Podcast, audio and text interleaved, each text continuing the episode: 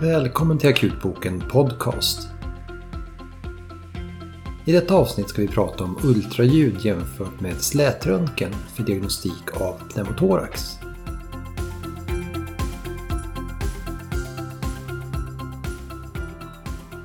Slätröntgen har traditionellt varit den undersökningsmetod vi oftast använt för att ställa diagnosen pneumotorax.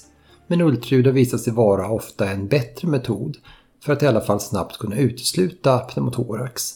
Och flera studier talar för att ultraljud har en betydligt högre sensitivitet än slätröntgen för pneumotoraxdiagnostik.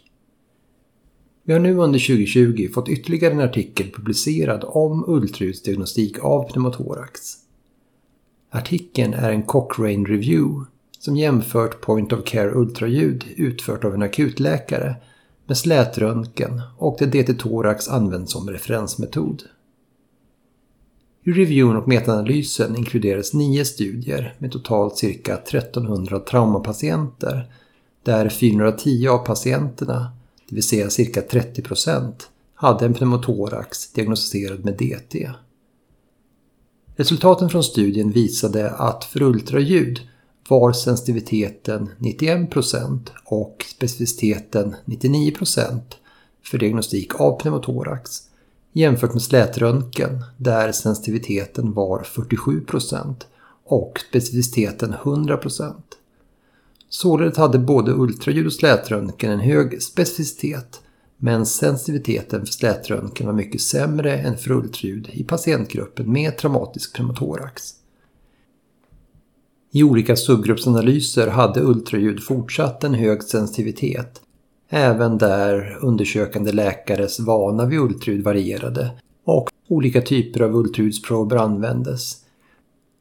Den nya reviewen och metaanalysen ger således ytterligare stöd till tidigare studier som också visat att ultraljudsundersökning har en betydligt bättre sensitivitet för att diagnostisera pneumotorax än slätröntgenundersökning och förekomst av lung sliding vid ultraljudsundersökning utesluter med hög sannolikhet pneumotorax. Både ultraljud och slätröntgenundersökning har dock en hög specificitet, i alla fall i gruppen av patienter som drabbats av en traumatisk pneumotorax.